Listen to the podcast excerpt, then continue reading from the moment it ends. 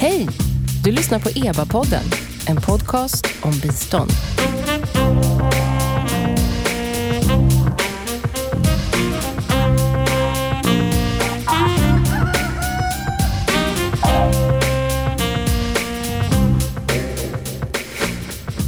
Välkomna till EBA-podden.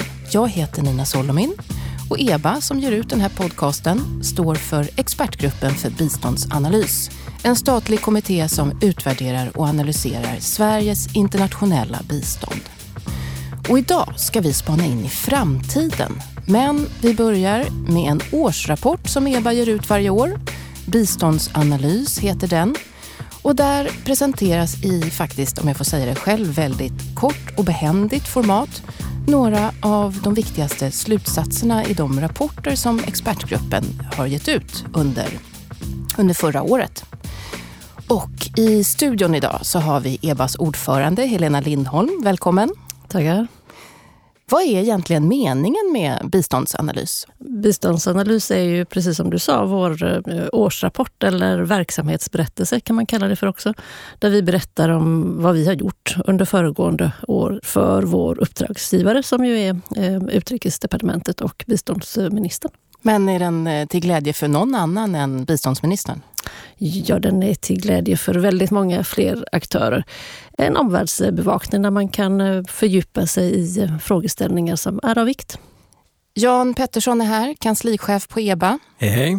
Du och Helena, det är ju ni oftast som är ute med biståndsanalys och, och presenterar den för olika UD, då uppdragsgivaren, för riksdagen, för Sida. Eh, brukar du vara nervös när ni ska prata? Det här är den samlade verksamheten. Ska, Tänk om det inte håller ja, måttet. Precis. Hur skulle det gå? Uh, nej, inte, alla möten innehåller väl en, en nerv. Det måste de väl göra för att annars blir det varken roligt eller bra. Men uh, nej, nervös ska jag inte säga. Det, det är ganska lätt att vara trygg i, i saker när man har någonting man presenterar som man kan stå för. Också. Något så förträffligt ja, helt exakt. enkelt. Just det. Och så har vi en dark horse med oss idag oprövat kort för EBA-podden, men rätt så prövad och välmeriterad för övrigt får man ju säga. Välkommen Susanna Gable, chefsekonom på Sida sedan mer än två år. Det stämmer. Vad gjorde du innan dess? Jag har varit eh, flera år på Världsbanken och eh, innan dess var jag en första sväng till eh, Sida. Du sa till mig i telefon häromdagen när vi, när vi förpratade lite, så sa du att du redan lyssnar på EBA-podden. Och då undrar jag förstås, vad är det du gillar allra bäst med det här programmet? Jag tycker det är ett eh, fantastiskt instrument för att eh, nå ut till en bred allmänhet som är intresserad av biståndsdebatten. Och det är jätteviktigt att vi, att vi har den dialogen. När brukar du lyssna? Har du hund? Jag har inte hund, men jag åker tunnelbana så det är ofta då. Trevligt. Någon, någon annan som vill ösa beröm över mig? Eller? Nej, jag bara skojar.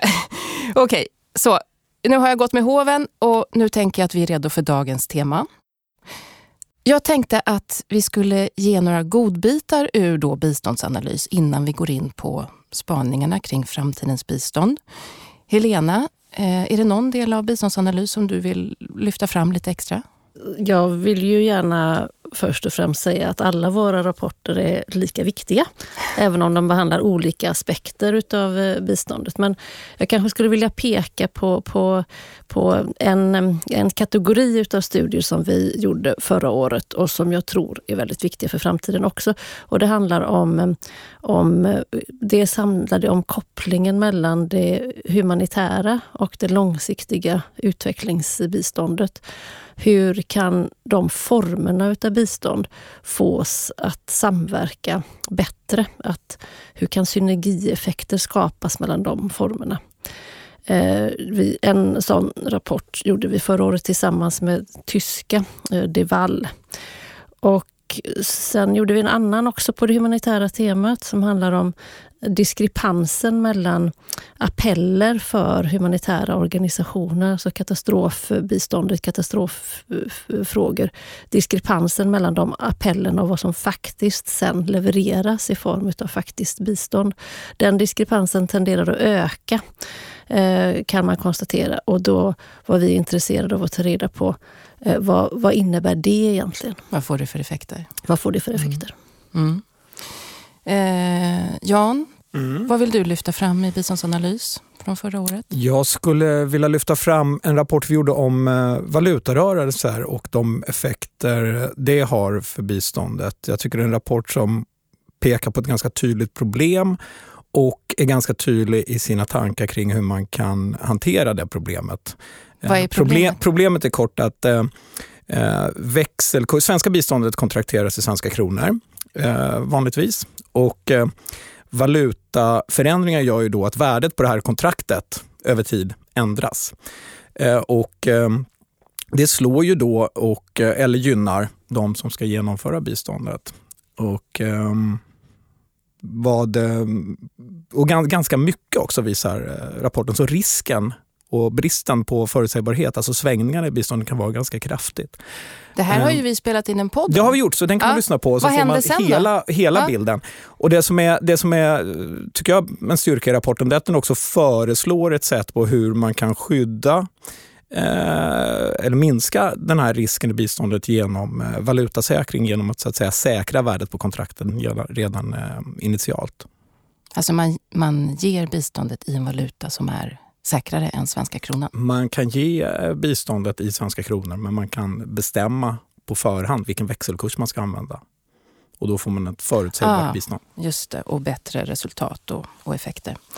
Ja, eh, Susanna Geibel, du är utomjordingen här höll jag på att säga, men du kommer ju inte inifrån EBA. Men eh, fastnade du för någonting i årsrapporten? Eller? Ja, absolut. Eh, jag måste nog säga helheten, för många av de här studierna och utvärderingarna är ju ganska partiella, så att en sån utvärdering eller, eller studie räcker inte för att svara på de här frågorna, men, men när, man sätter ihop dem så blir det lättare. Plus att man ser ju också där det fortfarande finns gap, som, där man kan fortsätta och, och göra studier och utvärderingar framöver. Så att det är väldigt, väldigt strategiskt mm. och hjälpsamt sätt eh, som årsrapporten är upplagd på. Sist i biståndsanalys så finns en, en framåtblick, ett avsnitt med lite, som spanar lite framåt. Och jag tänkte som sagt att eh, vi skulle prata lite om just hur framtidens utvecklingssamarbete kan komma att gestalta sig. Så jag har bett er att, att ta med varsin spaning, eh, eller åtminstone ja, spaningar kanske. Eh, Susanna Geibel, eh, vad har du med dig för något? Nej, men jag brukar nämna fem, eh, fem punkter eh, som har med biståndslandskapet att göra. Och då, då exkluderar det andra saker som eh, teknisk utveckling och, och sånt som givetvis påverkar hela samhället. Och eh, biståndet kommer att påverka enormt digitalisering och så vidare. Eh, men Första punkten då är att det har skett en enorm fattigdomsminskning. De senaste 25 åren så har den extrema fattigdomen minskat med ungefär en procentenhet per år. Eh, och den här minskningen fortsätter, men eh, med lite, lite, eh, lite saktare än innan, men dock. Så nu är den globala extrema fattigdomen nere på 10 procent, eller den senaste mm. mätningen som var 2015, så eventuellt nere på 8 procent eller så idag. Då. Men vad beror det här på? Beror det på ett lyckat utvecklingssamarbete? Eller?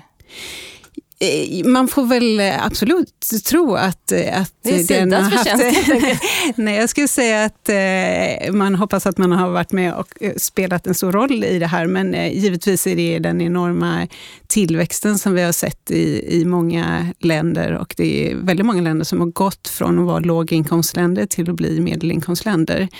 2000 så hade vi ungefär 60 eh, låginkomstländer och idag är de 30 30, så att det är en enorm eh, förändring. Vad, vad, har du mer i, vad, vad ser du mer för eh, linjer framåt? Ja, det, sen så har ju eh, fattigdomens ansikte så att säga förändrats enormt och kommer att förändras enormt. Så, så dels jag pratar om att många har blivit medelinkomstländer, så att vi har, vi har haft en ökning av, eh, av andelen av de eh, eh fattiga i världen som lever i medelinkomstländer har ökat. Och eh, kommer fortfarande att vara i majoritet 2030 då när tanken är att vi ska ha uppnått de globala målen. Eh, och sen har, ser vi en stor koncentration till Afrika. Eh, återigen då 2030 så tror man att 85 procent av eh, världens eh, befolkning som lever i extrem fattigdom lever i Afrika. Mm. Och att man, man, tror att fattigdomen då kommer fortfarande ligga kvar på 25 till 35 procent i Afrika medan det i resten av världen är under 2 procent. Så det mm. ger, ger en viss bild. Och sen en ökad koncentration eh, till, eh, till sårbara stater. Och då kan det vara sårbara eh, konfliktmässigt. Vi pratade om demokratiska utrymmet, men även miljö och ekonomiskt och, och så vidare. Alltså sårbart i bemärkelsen skakigt eller instabilt? Eller hur? Ja, så kan man säga. Det finns väldigt många olika definitioner ja. på det där. Ja. så. Men sen är det viktigt också att veta att det, det handlar oftast inte om att fattigdomen där eh, ökar signifikant, utan det är snarare att det har minskat så enormt då i icke-sårbara mm. stater eller i stater utanför Afrika eller, eller så. Då. Så det betyder på något sätt att utvecklingssamarbetet blir svårare att genomföra? Precis, och det är ju, det, det är ju därför då som eh, man ser den här minskningen i minskningstakten av eh, den globala fattigdomen. Att man, man eh, jobbar i mer och mer komplexa miljöer. Mm. Eh, Helena, vad, vad ser du? Det är så att i allt större utsträckning så kan vi se och identifiera att olika former utav, om vi kallar det för sårbarhet, det finns olika begrepp att använda för det, samverkar med varandra. Och att eh, fattigdom till exempel eh, förekommer i större utsträckning i stater som kallas för sviktande eller fragila. Och det är också stater där det förekommer eh, mer utav väpnat våld och väpnade konflikter. Man pratar ibland om, eh, på senare tid om the triple nexus det är det humanitära, det långsiktiga och fredsbyggandet. Hur man bygger ihop dem då i fragila eh, situationer. Det tror jag är en viktig eh, framtidsfråga. Men sen så vill jag gärna knyta an till Susannas första punkt också, som ibland, alltså diskussioner om bortom biståndet, eftersom biståndets syfte är att lyfta eh, människor och befolkningar ur fattigdom. Och när fattigdomen minskar, vad händer då med biståndet? Det finns ju flera länder och stater där Sveriges bistånd har fasats ut. Vad händer med de samarbeten som har, har etablerats under tiden? Finns det något sånt exempel på något, något land där man, ja, det liksom, finns man flera, är klar? Det finns, ju, det finns ju flera. Ett exempel som jag kan nämna är Botswana till exempel som hade ett, eh, en lång period av svenskt eh, bistånd men där det fasades ut för ett, eh, tiotal år sedan, tror jag. Eh, och där samarbete, till exempel forskningssamarbeten och så, är, är, är nu kanske svåra att, att finna. Så, sådana tankar tror jag man kan, kan behöva resonera eh, kring. Alltså hur går man vidare? Hur går man vidare? Mm. Mm. Eh, Jan Pettersson, eh, Jan Pettersson, Janne. Ja, ja. Det, du får vara Va? hur formell eller informell du vill. Alltså, jag, jag, jag lyssnar till allt. Eh, vill du att jag ska säga något? Ja, jag vill ja, ha ditt jag, fulla namn. Har du fler ja, namn precis. än Janne? Ja, jag heter Roland också, så Jan Roland Pettersson Tack kan man kalla mig för, för om man oerhört formell. Nu vet alla Berätta. Det. Eh, nej, men jag tänkte också hänga på det som, som Susanna sa, men det som kallas som, du kallar för fattigdomens ansikte. Det vill säga, och, något som är intressant tycker jag, det, det är just att en så stor andel av de fattiga bor i medelinkomstländer. Och det som blir lite, kanske inte lustigt, men, men ändå lite eh, intressant är att oftast beskrivs det här som ett problem. Eh, att oh, hur Kan vi verkligen ge bistånd till medelinkomstländer och eh, det blir någonstans... Eh, det, det, det är ju en otrolig möjlighet att de fattiga finns i länder som har en möjlighet, i varje fall i teorin, att eh, hantera fattigdomsproblematiken inom sig. Men alltså nu förhåller du dig så att säga, till att många tycker att när ett land har blivit ett medelinkomstland så behöver de inget utvecklingssamarbete. Är det det du Ja, säga? precis. Ja. Frågan blir kan, kan vi ge bistånd mm. till medelinkomstländer? Går det att försvara och så vidare? Men och det, det som är, om, om majoriteten av de fattiga finns där mm. så, så kan det, det kan finnas olika skäl till det. Men i vissa länder är det ju också, beror ju det på att det är grupper som är diskriminerade. Mm. och som medelinkomstlandet faktiskt inte bryr sig så väldigt mycket om. Och I ett sånt läge blir det intressant för att vi vet att jag menar, principerna för ett effektivt bistånd säger att man ska inte gå vid sidan av staten. Man ska jobba i liksom, de inhemska systemen och jobba med de inhemska systemen. Men i länder där de fattiga då inte riktigt står i, i fokus för statens eh, engagemang så blir det en intressant fråga hur biståndet kan hjälpa till att, att nå dem. Det är spännande det här, för det verkar vara en ganska komplex och liksom nästan lite snårig framtid här när det handlar just om utvecklingssamarbete. Men, men en sak jag också ville lyfta var, eh, Susanna, vad är motiven till att ge? Alltså det traditionella sättet att utvecklingssamarbeta, det kommer ju så att säga, det motiveras ju åtminstone officiellt med liksom solidaritet, alltså väldigt fina värden. Man ska samarbeta med andra och stötta andra länder som inte har så att säga, samma standard eller samma ekonomi som Sverige. Men, men, men nu kommer det ju in lite andra eh, typer av givare. Kan du utveckla det lite? många givare de, de står ju här med ena benet då i det här mer altruistiska som du pratar om. Men det finns också andra strömningar som vi ser nu som handlar eh, mer om att man ser till eh, det nationella intresset. Eh, som dels är grundat i, i, i, populismen som vi ser i många länder som man måste förhålla sig till. Men, eh, men också att man, eh, och inte minst de nya givarna då som kommer in, de icke-traditionella, som, som ser biståndet som en del mer av en utrikespolitisk eh, agenda där man blandar bistånd med investeringar och Vilka är handel. Det? Vilka länder är det?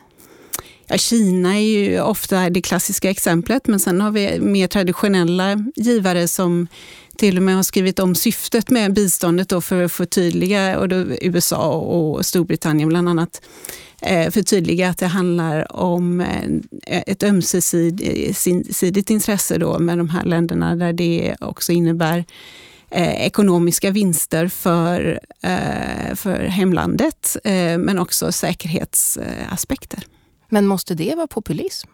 Det Nej, absolut inte. Ja. ja. så att ja, populism, det. det. kommer dels från populismen också, men också från, från en, ny, en ny syn på hur man för ett effektivt eh, bistånd. Kan inte det vara okej, okay, Jan, att, att ett land som har ett utvecklingssamarbete med ett annat land också själv vill ha ut någonting av det?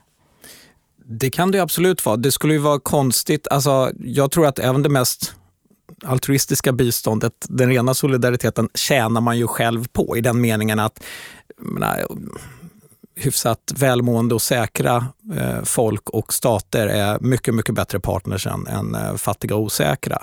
Så att det är klart att man alltid har någonting att tjäna, men, men det handlar väl om den här tyngdpunkten, när den förskjuts, när man från att se det som någon form av liksom, bieffekt, en utveckling ifrån eh, solidaritetshandlingen, ser att om vi gynnar oss själva så kommer det också bidra till fattigdomsminskning. Och där är mer, alltså den holländska motsvarigheten till biståndsplattformen är väldigt tydlig där. Den säger att allt samarbete handlar egentligen om att gynna holländska intressen och holländska företag. Och sen ska vi bekämpa fattigdom och ibland kan det här vara en konflikt mot varandra och då får man välja. Eh, det är nästan den mest tydliga skrivelsen tycker jag som, som adresserar den.